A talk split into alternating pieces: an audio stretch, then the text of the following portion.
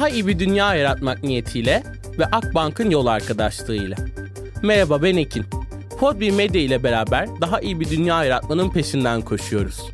Tüm bu gürültüde umudun sesini duymak ve dünyayı onarmak için yeni bir diyalog alanı olan Onarım Atölyesi'nin podcast serisine hoş geldiniz.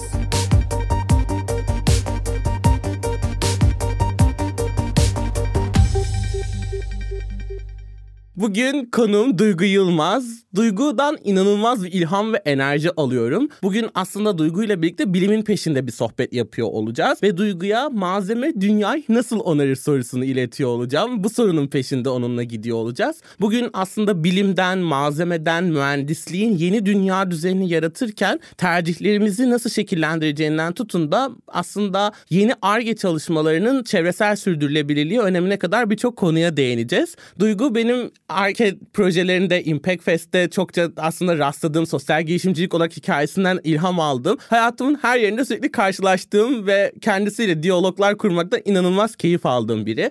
Kendisi hayranlı olduğum bir marka BioLive'in kurucusu. Ama tabii ki onun hikayesini ben ondan dinlemek isteyeceğim. Duygu hoş geldin. Hoş bulduk Ekin'cim. İyi ki buradasın. İyi ki. Ben aslında senin meselelerini yakından biliyorum ama burada bunu biraz daha senin hikayeni dinlerken mesele edindiğin bakış açılarından ben dinlemek isterim. Neleri dert ediniyorsun? Neden Duygu'nun hikayesinde zeytin var?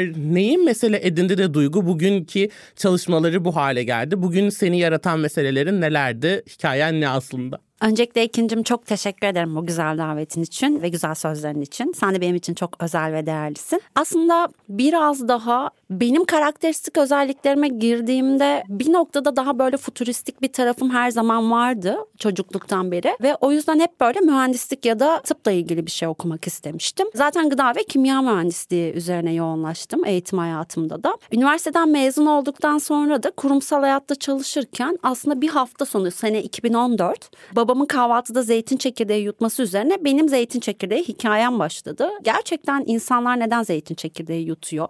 Biraz da aslına bakarsan belki algıda seçicilikle de alakalı olabilir. Ben böyle insanların bilinçsizce ya da bir şey popüler diye yapılmasına her daim karşı karşı bir tarafım var. Bir şeyin içeriğini araştırmadan, doğruluğunu araştırmadan yapılması beni hep böyle tedirgin etmiştir. Aslında o tedirginliğimden dolayı hikayede başladı. Babama olur mu öyle şey deyip zeytin çekirdeğinin içeriğini araştırmaya başladım ve Çekirdek hikayem öyle başladı. Şu anki ortaklarımla da İstanbul Teknik Üniversitesi'nde ben master'dayken biz arkadaşlık hazırlık sınıfından. Aslında okul kantininde kafa kafaya verilip benim biraz daha lisanstayken test konularında araştırdığım biyopolimerler sene 2011'de böyle çok ilgimi çektiği için de daha önce işte peynir altı suyu, nişasta, mısır koçanı, şeker kamışı ve bakteriyel fermentasyonla üretilen malzemelere aşinaydım zaten. Ortaklarım da bu konuda çok fikir sahibiydi. Aslında üçümüzün kafa kafaya verip yaklaşık iki buçuk yıl boyunca öğrenci evinde kurduğumuz laboratuvarla zeytin çekirdeğinden biyoplastik üretmemizle başladı hikaye. Peki neden zeytin diyecek olursak bir kere zeytin çekirdeği zeytinyağı fabrikaları için ciddi bir atık problemi. Kullanım alanı yem olarak kullanılması ve yakılması ki yakıldığında kömürden 12 kat daha fazla karbon monoksit salgılıyor ama sanayide bilinçsizce yakılıyor. Şükür ki işte Green Deal'dan sonra 2030 hedeflerinden sonra 2025 yılından sonra artık yakılmasını engelleyici bazı yönetmelikler de geliyor. Ve biz bu atığı alıp nerede değerlendirebiliriz diye bir ürün halinde konumlandırdık. Ülkemizde her yıl 500 bin ton, dünyada ise 6 milyon ton atık çıkıyor. Zeytin üretiminde 3. ve 4. sırada yıllık değişkenlik göstererek aslında ilk 5'teyiz. Haliyle çok fazla da atık çıktığı için de ham maddenin kullanımı alanında da çok etkili bir çözüm oldu. Bir de burada şunu çok önemsiyoruz. Yani pirina yağ sıkıcılarına gidiyor artık kalan içerisinde hiçbir kullanım alanı olmayan o posayı almayı önemsiyoruz. Yani doğrudan fabrikadan hı hı. değil fabrikadan gidip bir işlev sanayi yağı da çıktıktan sonra ki yerli üreticiyi de aslında desteklemiş oluyorsunuz. Onun atığını da değerlendirmiş oluyorsunuz. O yeni bir plastik türüne dönüşüyor. Haliyle hayatımızda petrol türevli ve diğer biyopolimerlere baktığımızda onlardan daha doğal özelliği olan, mukavemet değeri daha yüksek olan, materyalin sadece plastik alanında değil bitkisel deri de üretilebiliyor bizim malzememizden. Silikon malzeme de üretilebiliyor. Farklı materyal alanlarında bitkisel çözümler sunuyoruz. Hikayenin doğayla bu kadar bütünleşmesinin aslında açıklaması da bence benim doğayı ve insanları çok sevmemle alakalı olduğunu düşünüyorum. Hep böyle bir iş yapmak istemiştim çünkü. muazzam. Senin aslında bu sevgini biz de hissediyoruz ve belki de bağ kurma, bu diyalog alanı yaratmadaki en çok kendimizi iyi hissettiğimiz noktalardan biri bu. Çok önemli noktalara değindin. Her şey önce atıktan bahsettin ve biz maalesef şöyle bir genel gerçeklik var dünyamızda. Bir ürün sürdürülebilirse bu bize sanki yeterliymiş gibi geliyor. Oysa bugün sürdürülebilir olması ya da atıktan üretiliyor olması temel bir gereklilik. Senin dediği gibi mukavemetinin daha yüksek olması artık artılarının olması gerekiyor ki endüstriler de hızlı geçiş yapabilsin. Bu çok önemli bir noktaydı bence. Atığa vesaire geleceğim ama ondan önce biraz şeye odaklanmak istiyorum. Yani bugün krizlerimiz var. Özellikle çevresel kriz krizler çok öncelikli. Bunlara çözümler getirmemiz gerekiyor. Ama aslında uzun süredir sadece sorunları konuşuyoruz ve bunlara çözümler, aksiyonlar noktasında bence artık son dönemeçteyiz. Zaten burada da sürdürecek bir şey ya kalmadıysa, onarmamız gerekiyorsa noktasından çıktığımızda burada bana en temel çağrı bilimden geliyor gibi hissediyorum. Özellikle çevresel krizlerin önüne geçmek için bilimsel çözümleri, bunların belki mühendislikle birleşmiş hayatımızın direkt akışına, işleyişine direkt girebilecek çözümlerin bilim ve ARGE'de yattığını düşünüyorum. Karşımda da bir bilim insanı varken aslında bunu sormak çok isterim. Yani sence daha iyi bir dünya yaratmak için bugün bilim ve çözüm üretme krizlerle nasıl kesişiyor Duygu? Aslında ikincim özellikle deep tech ve biyotek alanında bir girişim üzerine çalışmak hiç kolay değil. Çünkü günün sonunda ne olursa olsun ticari bir hayatın içerisindeyiz ve şirketlerin ya da startupların ya da projelerin ayağa kalkması, ayakta kalması ve devamlılığını ilerletebilmesi için de tabii ki bir hani maddi kaynak gerekiyor.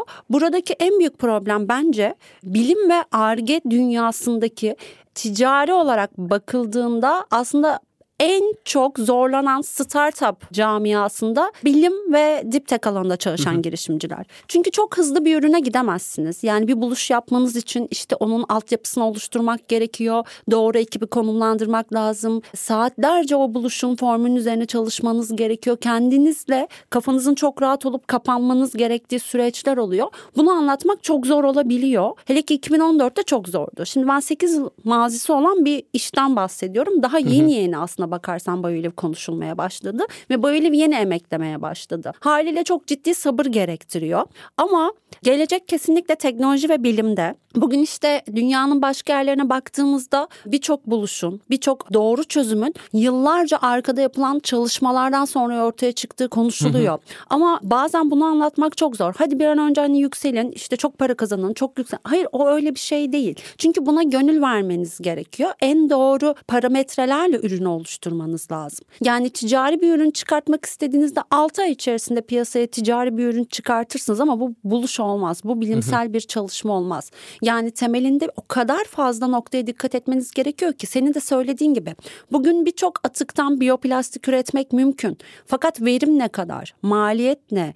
yani bunu sektörde konumlandırmakta problem yaşıyor zaten. Birçok çalışmaya bakıldığında bunlarla ilgili o kadar çok tezler, makaleler, çalışmalar var ki ama hayata dönüştürmeye gittiğinizde, endüstriye uyarlamaya gittiğinizde birçok aslında önünde işte geçmeniz gereken stage'ler oluyor. Nedir? Maliyet problemi. Mevcut plastik materyalden daha yüksek bir fiyata sattığınızda üreticiyi zorlayabiliyorsunuz. Bu yüzden her alana girmek için maliyeti düşürmeniz lazım. Kendi içinizde kullandığınız ham maddelerin değişkenlikleri ve verimleri çok önemli. Bugün zeytin çekirdeği atından yüzde birini sadece plastiğe dönüştürsek hiçbir anlamı yok o kadar atık bir de bir yerde toplanıyor. İşin sürdürülebilirlik kısmını da aslında onarmıyorsunuz. Haliyle her birini çok iyi değerlendirmek, üzerinde belki yıllarca çalışmak, tarama yapmak, formülü doğru bir şekilde ulaştırmak bunlar çok önemli. Ama hani Bundan sonra yani benim gördüğüm son iki yıldır gerçekten deep tech ve biyotek startup camiası daha gündemde ve etki startupları evet gerçekten ben inanıyorum ki geleceğin unicornları olacak. Olsun da zaten. Kesinlikle. Çünkü arkada çok ter var. Arkada çok çalışma var. Bu şekilde. Süper. Ben buradan biraz daha aslında daha sosyal bir alana girmek istiyorum. Malzemeye muhakkak değineceğim ama ben normalde işte kadın girişimci, kadın lider gibi yani kadını bir ön özne olarak koyup işte erkek lider demiyorsak, erkek girişimci demiyorsak kadın girişimci de beklemememiz gerekiyor ama bunun ötesinde bugün Türkiye'de teknolojide, bilim dünyasında bu zor kesişen alanlarda maalesef kadın katılım oranı oldukça düşük seviyede.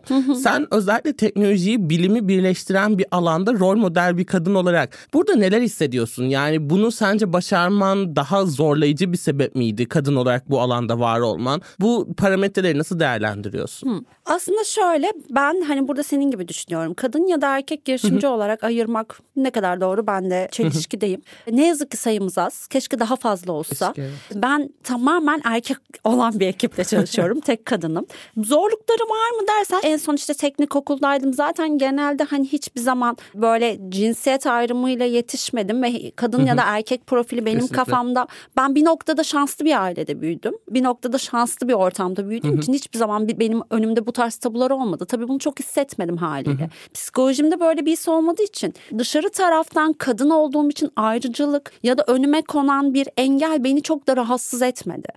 Ama şu var eğer gerçekten hani değerlendirmek istersek evet çok fazla zorluğu var. Ama ben çok takılmadım, ben çok görmedim, duymadım. Yani çünkü benim odak noktam farklı. Biraz da ben rahat bir insanım. Yani rahattan kastım hani böyle çok çok da umursamıyorum bu tarz şeyleri. İnsanların ne dediğini umursamıyorum. Bence bu benim için çok büyük bir özgürlük alanı. Hani kadın ya da erkek değişmiyor ama umarım sayımız artar. Burada yapılacak en büyük şey mühendislikte zaten hani e, sayı oranlarımız düşük gıda ve kimya alanında daha evet kadın oranı yüksek oluyor. Ama işte bir makineye baktığımızda falan bu da beni çok üzüyor yani. Neden böyle bilmiyorum. Ama hani bunu şöyle ayıramıyorum Ekin. Yani bir işte çalıştayda neden bu ülkeden bu buluş çıktı? Avrupalı biri neden bulmadı diye de soranlar oluyor. Yani bunun kadınla erkekle ilgisi yok. Hani seni bir ülke Evet. konumlandırmasına bile koydukları için bizim aslında bilinç olarak bakış açısı olarak aşmamız gereken o kadar çok nokta var ki.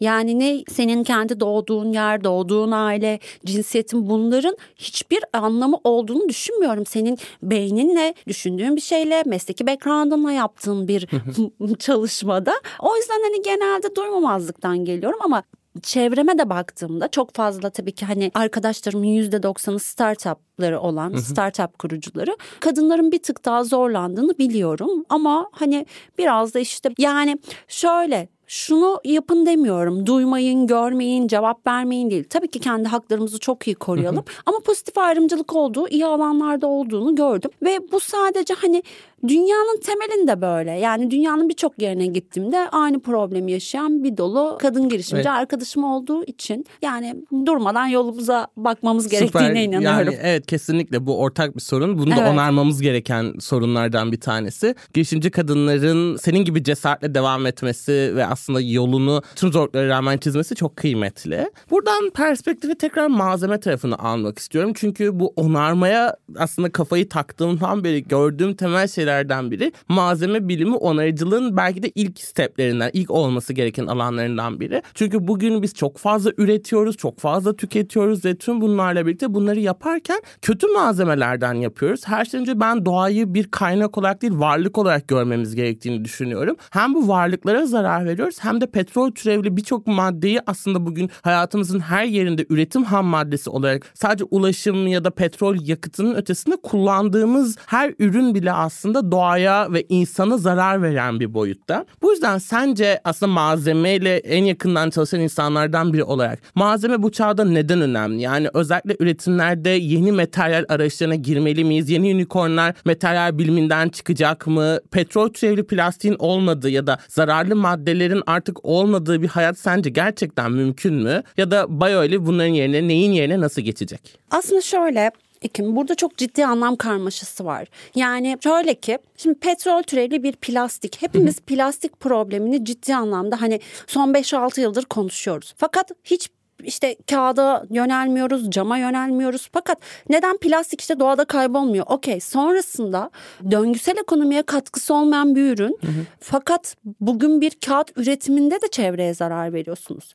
Doğal bir malzeme üretiyorum adı altında kullandığınız elektrik enerjisi ya da biyoreaktör bunların ne kadar aslında elektrik enerjisi kullandığını bilmeden o içerideki proseste açığa çıkan kimyasal zararlı bir gaz var mı bunu bilmeden son üründe bir şey farklı ütopik yani seksiye geldiği için bu sağlıklı diyemeyiz. O kadar çok aslında iç proseslerde de bakmamız gereken durumlar var ki hani bu greenwashing dediğimiz yani tesisin içerisine girdiğinizde sizin ham maddeyi alıp tesise getirdikten sonra orada üretim yaparken çıkan gazlar, ondan sonra kullandığınız elektrik enerjisinin miktarı, verim bunların her biri etkiliyor sürdürülebilirliği. Sadece petrol kötü diyemeyiz o yüzden. Bilmediğimiz aslında sanayinin içerisine girdiğimizde, üretimin içerisine girdiğimizde içeride çok daha fazla zararlar görmeye başlıyorsunuz. Haliyle ben bu 8 yıllık deneyimimde şunu fark ettim. Bir şeyi sadece son kullanıcıya doğal olarak sunmak evet okey. Ticari olarak baktığınızda çok doğru. Ama siz kendi iç prosesinizde doğal çalışmıyorsanız, daha da fazla çevreye zarar veriyorsanız hiçbir anlamı yok.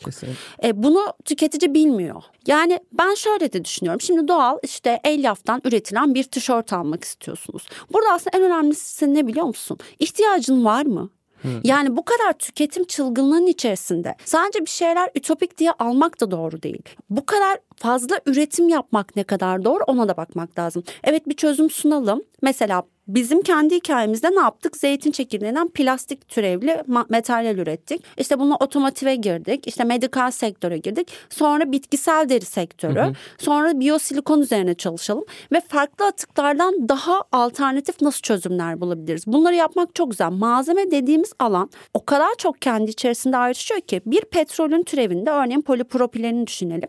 Onun o kadar çok fazla çeşidi var ki yüzde yüz bitkisel bir çözümle hayatınıza devam etmeniz mümkün değil değil. Çünkü bugün bir otomotiv malzemesini düşünün iç panel. Onun işte yanmazlık dereceleri var, mukavemete dayanımsal özelliği, Allah korusun bir kaza durumunda işte verdiği yanıt. Bunların her birini baza aldığımızda sizin yüzde yüz bitkisel bir çözümle bir otomotiv yapmanız mümkün değil şu an. Çünkü bitkisel materyallerin ısıya ve basınca dayanımı her zaman düşüktür. Fakat bunu az kimyasal, zararlı kimyasal kullanmadan ne kadar uyarlayabiliyorsanız o kadar aslında anlam ifade ediyorsunuz. Yani bugün bir otomotiv materyalin içine yüzde kırkta bile istediğiniz verimde hı hı. o plastik paneli üretebiliyorsanız bu büyük bir başarı. Yani ne kadar olduğu önemli değil. Yüzde iki başka bir atıktan da katabilirsiniz. Ama yüzde yüz dersen ki tamamen petrol hayatımızdan kalkacak. Şu an çok mümkün görünmüyor. Ama Kesinlikle. ne kadar azaltabilirsek o kadar da büyük fayda daha iyi bir dünya yaratmak niyetiyle ve Akbank'ın yol arkadaşlığıyla onarım atölyesine kaldığımız yerden devam ediyoruz o kadar aslında vurgulamak istediğim iki noktaya değindin ki bir tanesi o PR malzemesi olarak önümüze getirilen şeyin arka sürecini görmek. Bu kıyafet nasıl üretildi? Benim kıyafetimi kim üretti? Aslında eşitlik işçilerin hakları boyutunda sorgulamadan çevresel boyutlara sorgulamaya ve en temel soru bunu almaya ihtiyacım var mı sorusuna. Yani bugün sürdürülebilir çevresel üretim diye çıkıp kreasyonlardan bahsetmeye evet. başlayan markalar maalesef görüyoruz. Çok üzücü bir durum ve bir diğeri de hadi yarın petrolü bırakıyoruz demenin mümkünatı olmadığı. Yani bu ulaşımdan üretime hiçbir yerde doğru değil ve mümkün değil aslında. Ama zaman içerisinde bu bir dönüşüm. Otomobil %40, %50, %60 ve diğer sektörlerde belli bir süre içerisinde gittikçe Arge'ye de belki yatırım yaparak daha iyi ürünler bularak dönüşümü bugün başlatanlardan olman çok güzel gerçekten. İyi ki yapıyorsun bu işi. İyi ki. Bir diğer konu da Atıktan bahsettik. Bugün dünyanın en büyük sorunlarından bir tanesi ve atıkları artık nasıl yöneteceğimizi bilmiyoruz. Başka ülkelerin çöpleri bugün bizim ülkemizden çıkmaya başlıyor. Çöpleri yok etmenin yolu olarak yakmayı seçiyoruz. Bu aslında tamamen sorunun üstünü örtmeye çalışmak ve dünyaya daha fazla zarar vermek. Ama sen şöyle bir diğer önermesiyle geliyorsun. Atıktan yeni bir şey yaratmak. Yani bu döngüselin de ötesinde bir regeneratif ekonomik modeli bir girişin örneği aslında ve çok çok önemli olduğunu düşünüyorum ben burada. Peki atık denilen bir maddenin sence bugün sisteme tekrar kaynak olarak gelmesi, ham madde üretebilmesi bununla ileri dönüşümü anlamak noktasında neden önemli? Yani dünyaya bu perspektifle nasıl bakmalıyız? Çevremizde atığın ileri dönüşümle, geri dönüşümle her ne diyorsak adına atık dediğimiz bir maddenin tekrar sisteme girmesi bu çağda neden önemli sence? Şimdi aslında atığa baktığımızda özellikle işte hani çöplerimize baktığımızda mesela Türkiye'de bile şehirlere gittiğimizde bugün işte Edirne'nin beslenme alışkanlığıyla Tunceli'ninki bir değil. yani haliyle bizim evlerden çıkan atıklarımızın enerji miktarı o kadar değişken ki. Şimdi biz sulu beslenen bir toplumuz. Bugün Avrupa'ya gittiğimizde enerji miktarı daha yüksek çıkıyor atıklarının. Çünkü daha katı besleniyorlar. Bu kötü bir şey değil bu arada bizim sulu beslenmemiz. Ama enerji miktarı daha düşük olduğu için atıklarımızı da özellikle evdeki atıklarımızı doğru ayrıştıramadığımız için bugün işte bir inşaat malzemesi üretmeniz mümkündür çöpünüzden. Ama çok da bunu doğru yapamıyoruz. Öyle bir altyapımız yok. Keşke olsa işte portakal kabuğumuzu ayrı ayırsak, çorba atığımızı ayrı ayırsak haliyle o kadar fazla çok şey yapılabilir ki işte bir gün bir meyvenin sebzenin kabuğundan kök boya üretmeniz de mümkün. Hmm. Ama bunları ayrıştırırken yine aynı noktaya geliyoruz. Daha fazla enerji ve işte insan gücü harcıyorsak yine bir anlamı olmuyor. Şimdi o yüzden atık konusuna geldiğimizde kullandığınız atın birçok fabrikanın birçok atığı var. İşte kahve posası düşünelim, kabukları düşünelim, işte çekirdek kabuklarını düşün. O kadar fazla atık var ki. Şimdi öncelikle o atığın verimini çok iyi bilmek lazım. Atık miktarı çok önemli. Atığı topladıktan sonra saklama, depolama koşullarınız çok önemli. Şimdi haliyle bir çok hızlı küflenen bir ürün kullanıyorsanız, o atık çok hızlı küfleniyorsa ürünün işte sterilizasyon işlemi çok fazla enerji ve vakit kaybına sebebiyet veriyorsa bu da ciddi bir problem. Bütün bunların baz alınması gerekiyor. Ama beni aslında en çok üzen şey bu işte. Yani ben böyle bir atıktan bunu yapıyorum diyoruz. Hepimiz diyoruz ki wow. Hmm. Tamam ama o atık dönüşürken nasıl dönüşüyor? Bu çok daha önemli. Şimdi işin işte circular ekonomi kısmına baktığımızda yani döngüsel ekonomi kapsamında bir atığın çıktığı yer ev ya da fabrika her neyse çıktıktan sonra sektöre bir ürün olarak dönmesi o ürünün sonrasında sektörde işte atıyorum yıllarca kalıyor mu ya da geri dönüşüme gidiyor mu bu döngüsü de çok önemli. Şimdi bakteriyel fermentasyonla üretilen materyallerin çoğu biyobozunur olarak algılarız fakat toprakta bozulmaz. Siz bunları Avrupa'da bir tesis var. Türkiye'de şu an böyle bir altyapı yok. Oraya gönderip orada tekrar parçalayıp geri dönüşüme ya da enzimler hı hı. tarafından parçalanıp ortadan yok edilir bu malzemeler. O yüzden işte malzeme kodlarına çok iyi dikkat etmek lazım. Gerçekten toprakta çözünüyor mu? Şu olay da aslında çok yanlış. Bugün bakıldığında Avrupa tek kullanımlık plastikleri yasaklıyor. Şu da beni çok rahatsız ediyor. Ya bu toprakta çözünüyor ben bunu toprağa gömeyim. Ne gerek var?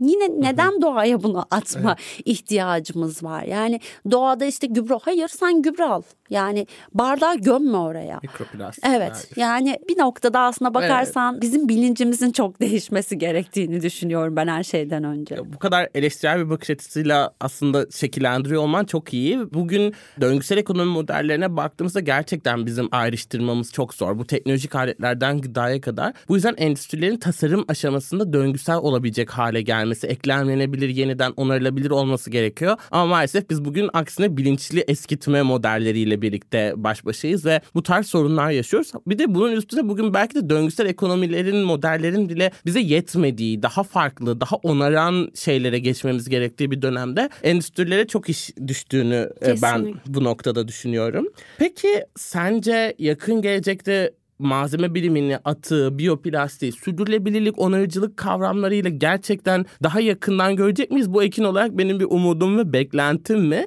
Ve BioLive'i nerelerde göreceğiz? Yani bugün neler yapıyor? Hangi endüstrilerde var? Yakında nerede göreceğiz? Ve bunlar neden önemli? Öncelikle şimdi BioLive aslında şöyle açıklayayım. Zeytin çekirdeğinden biyopolimer ham madde üretiyor. Yani biz aslında B2B Doğrudan hı hı. işte endüstri ölçekli bir üretim yapıyoruz. Bir tesisimiz var bizim. Yeni bitti hatta. Açılışını beraber yapacağız inşallah. Şimdi bu ham madde işte elektronik sektörde yani bir bakıldığında işte televizyon arkası panelde de kullanılabiliyor. Bir medikal serum malzemesine de dönüşebiliyor. Bir gıda ambalajına da dönüşebiliyor. Hı hı. Şimdi bizim buradaki yaptığımız en büyük yani en uzun çalışma şuydu. Dediğim gibi plastik kendi içerisinde o kadar ayrışıyor ki otomotivde kullandığınızda elektronikteki aynı değil. Ya da işte küçük ev aletlerinde. Her birine uyarlayabiliyor muyuz? Aslında yıllardır bunun çalışmasını yapıyoruz. Her birinin farklı reçeteleri var. Çünkü ürün işte akışkanlık derecesi farklıdır, ısıya dayanım derecesi farklıdır. Bunlara göre belli formüllerle ürettiğimiz ürünler var. Şimdi bir mobilya malzemesi de üretebilirsiniz. Bahsettiğim gibi bir bebek emzik parçası da işte arkasındaki aynayından. Öncelikle hani plastiğe uyarlandıktan sonra deri kısmına geçildi. Bitkisel deri üretilmeye başlandı. Bioliv'in işte Biopro'dan bir tekstil partnerimizle beraber. Sonrasında silikon üretebilir miyiz diye. Aslında hani ekip ekipten bir arkadaşımız işte seçkin geldi. Silikon üretebilir miyiz diye işte geldiğinde biz silikon üzerine çalışmaya başladık. Yani silikonda daha böyle kauçuk gibi işte bebek emziklerini düşünün o parça. Şimdi her birinin türü farklı. Bu alanlara girmeye başladık yavaş yavaş. Bir de bir tekstil markasıyla inşallah çok yakında hani onu da duyuracağız. İşte trench kotlar, gözlükler, işte saatler, aksesuarlar ve bunun haricinde deri kıyafetler. Yani derinin bakış açısını da değiştirmek istediğimiz için sürdürülebilir. Tamamen böyle birçok materyalinin bitkisel olduğu bir marka çıkartmayı planlıyoruz. Yani bir tasarımcı hanımefendiyle beraber. Şimdi onunla da ilgili çalışmalara başladık. Bayolive aslında kendisini şurada konumlandırıyor. Zeytin çekirdeğiyle başladık fakat işte kenevir ve farklı bitkisel atıklardan da çalışıyoruz. Bugün malzeme alanında kağıttan cama, plastikten birçok farklı ürüne bitkisel çözümler sunan, bunun arkasında haliyle senelerce 2-3 yıl arge çalışmaları yapıp bunu bir buluşa dönüştürüp patentledikten sonra da birçok alanda bizi görebileceksiniz diye düşünüyorum. Heyecanla yani, bekliyorum. Evet yani e, belki işte %100 hani kağıt üretemeyeceğiz ama işte atıyorum %30 bitkisel katkılı kağıt üreteceğiz. Birçok farklı alana girmeyi düşünüyoruz. Malzeme alanında gerçekten en büyük hedefimiz ve planımız bu. Ve ben inanıyorum ki evet önümüzdeki 3 yıl içerisinde hatta 2 yıl 2023'e girmemiz az kaldı. 2 yıl içerisinde birçok alanda bitkisel çözümler göreceğiz. Çünkü dünyaya baktığımızda dünyadaki startuplarla da iletişim halindeyiz. Çok güzel çözümler var artık farklı atıklardan, farklı ürünlerden. Bu da umut vaat edici. Muazzam. şekilde. Evet. Biraz da şey de senden özellikle dinlemek istiyorum. Yani burada endüstrileri dönüştürmeye çalışan bir girişim var özelinde bir sosyal girişim, bir etki girişimi var ve bence bugün hep konuştuğumuz artık etki yatırımı evet çok önemli ama yatırım yapmanın ötesinde tedarik zincirine bir etki girişimini katıyor olmak da sistemlerin iyileşmesi, onarılması için oldukça kıymetli. Bu perspektiften aslında biraz daha buraya girmek istiyorum seninle birlikte. Yani hem endüstrinin içerisinde yatırım alan bir girişim olarak hem endüstrileri aslında tedarik zincirinin bir parçası olarak burada bir girişim Biolive nasıl konumlanıyor? Bu neden önemli? Nasıl yatırım alıyor? Nasıl ham madde üretiyor? Endüstrileri nasıl dönüştürüyor aslında? Şimdi öncelikle yatırım kısmına bakıldığında şunu söylemek istiyorum. Bazen genelde işte haliyle benim de hani mentorluk verdiğim startuplar oluyor başlangıç aşaması. Hep onlara da söylüyorum. Şimdi bu yolculuk asla sizin işte ofisinizde oturup muhteşem bir şeyler bulduğunuzda insanların sizin böyle kapınıza sıralanmasıyla ilerlemiyor. Sizin her kapıyı çalmanız gerekiyor. Şimdi öncelikle endüstride biz birçok markayla işte sadece ürünümüzü deneyin. Sadece bakın hani sizde nasıl yanıt verecek. İşte atıyorum bir kapak üretebiliyor muyum? Bir işte masa üretebiliyor muyum? Bunlar için çok fazla, çok fazla markayla ARGE çalışması yapıldı. Yüze yakın Türkiye ve globalle işbirliğimiz oldu bizim. Ve hani çoğunda ticari bir kazanç elde etmedik ilk etaplarda. Öncelikle ürünü tanıtmanız gerekiyor. Ürünün hangi alanlara girebildiğiniz için sanayinin içerisinde, endüstrinin içerisinde bunu denemeniz lazım. Sağ olsunlar Türkiye'de olsun, yurt dışında olsun bununla ilgili bize birçok kapı açıldı. Çünkü firmaların da artık böyle bir ürün arayışı var. Çünkü Avrupa'daki rakipler bizden çok pahalı. Maliyet düşük olduğu için alternatif olarak bir çözüm olarak görüyorlar. İkincisi zorunluluklar var artık. Hı hı. Hani işte yeşil mütabakattan evet. dolayı işte 2025'e kadar ilk işte tekstilde bahsettiğim gibi işte hani tekstilde çok fazla yönetmelik gelmeye başladı. O yüzden böyle işin fashion kısmı hep sürdürülebilirlik adı altında hı hı. ilerlemeye çalışıyor. Çünkü en fazla aslında bakıldığında hani tekstil de doğayı evet. kirleten sektörlerden biri ve çok da başarılı olduğumuz bir sektör Türkiye'de. Hı hı.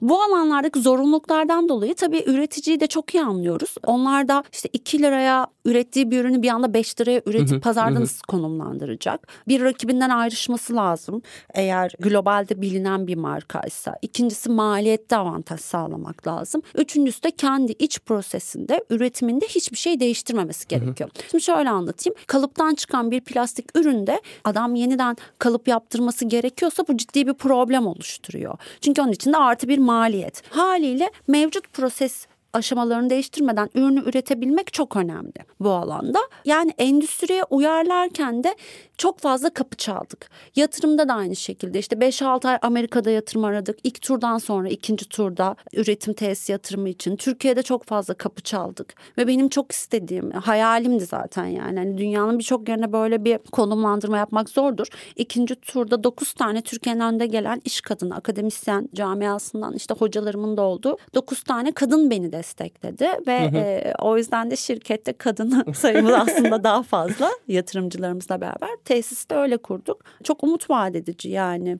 O yüzden e, mutluyum. Bu arada tabii işin yatırım kısmında da etki yatırımında biraz burada evet cinsiyetçilik yapacağım ama her zaman kadınlar bu anlamda daha dikkatli. Çünkü hani bir anne çocuğunu gözlemlerken bile işte görüyor. Daha doğar doğmaz diyor. İşte emziği veriyoruz. Plastikle tanışıyor yani. E, çok daha farkındalığımız farklı oluyor bu alanda yani. O yüzden de ben umutluyum. Yani şöyle yatırım camiası da çok değişti çünkü. Ben seni 2014'ten beri kadar çok yatırımcı gezmişimdir ki belki 2000 tane yatırımcıya sunum yapmışımdır gerek Türkiye'de gerek yurt dışında. Bu değişimi de görüyorum ve çok umut vaat edici bence. Muazzam yani bir girişim olarak da aslında bugün senin durduğun nokta evet finansal güçlenme için işbirlikleri ve yatırımlarına ihtiyacın var. Her şeyden önce satış için özel sektöre ihtiyacın var ama bir o kadar da özel sektörü dönüştüren, değiştiren, onu daha doğru ve belki de daha haysiyetli seçimler yapmaya iten ve duygu olmak sanırım bir girişimci olarak da gurur veriyor olsa gerek. evet çok şükür çok güzel. Yani burada şeyi çok yapmaya çalıştık. İlk beş yıl ben çok fazla panelde çıktım. Aslında hani bazen insanlar diyordu ki boşa vakit kaybı değil mi? Çünkü hani haftanın belki bir iki günü panellerde Hı-hı. geçiyor. Değil yani bilinç oluşturmak evet. lazım. Önce sizin bir pazar doğru bir şekilde pazarı anlatmanız Hı-hı. gerekiyor insanlara. İnsanların hiç yani bilmediği bir sektöre aa böyle bir şey varmış diye yönelmesi mümkün değil ki. Evet. Yani neden bunu kullanmamalıyız? Neden bunu kullanmalıyız? Bu arada yanlış anlaşılmasını asla istemem. Böyle olarak da etkisel bir şekilde çözüm sunamıyorsak çok fazla müşteriye ya lütfen bizim bu alanda ürünümüzü almayın. Biz Hı-hı. burada doğru bir çözüm lazım değiliz. Şu ürüne dönelim demiştiğim çok vardır. Yani işte senin de yakından tanıdığın markalarla işbirliği içerisindeyim. Haliyle o markalar da bilirler bunu yani. Hani çünkü doğru yanıtı vermek önemli. Yani sadece ticari olarak konumlandırmadık. doğru amaçla yola çıktığınız zaman da gerçekten aslına bakarsanız o iş daha böyle başarılı olma yolunda gidiyor. Sadece öyle bakmadığınız zaman. Yani yola çıktığınız asıl amacınızı unutmamanız gerekiyor bence. Çok çok güzel yani amaçlara odaklanabilmek bugün dönüştürmek, onarmak hepimizin ortak noktası olmalı diye düşünüyorum. Ben inanılmaz umutla doldum. Çok teşekkür ederim ve benim her konuma sorduğum bir soru var. Tüm bu gürültüde sen umutlu musun? Umut için neler yapıyorsun Duygu? Şöyle anlatayım Ekin. Sen beni tanıyorsun. Ben dışa evet. dönük bir insanım. Ama tüm o gürültünün içerisinde benim kendi bir dünyam var. ve bunu çok da böyle belli etmem. Herkes işte çok dışa dönüyüm, sosyalim gibi algılıyor ama ben kendi dünyamda çok yaşayan biriyim ve çok da seviyorum orayı. Kendi dünyamda çok umutluyum. Kendimden de çok umutluyum. Ekibimden de çok umutluyum. Çok daha güzel günler göreceğimize, çok güzel şarkılar söyleyeceğimize eminim yani. Çok mutluyum her şeyden. Bu şarkıları birlikte eşlik etmek, burada dillendirmek, bu diyalog alanı burada yaratmak çok güzel. İyi ki geldin, iyi ki bizimleydin. Çok teşekkürler Ben Duygu. teşekkür ederim, çok sevgiler. Daha iyi bir dünya yaratmak niyetiyle ve Akbank'ın yol arkadaşlığıyla yeni bir diyalog alanı yaratan Onarım Atölyesi'nden iyilik ve dostlukla. Bir sonraki bölümde görüşmek üzere.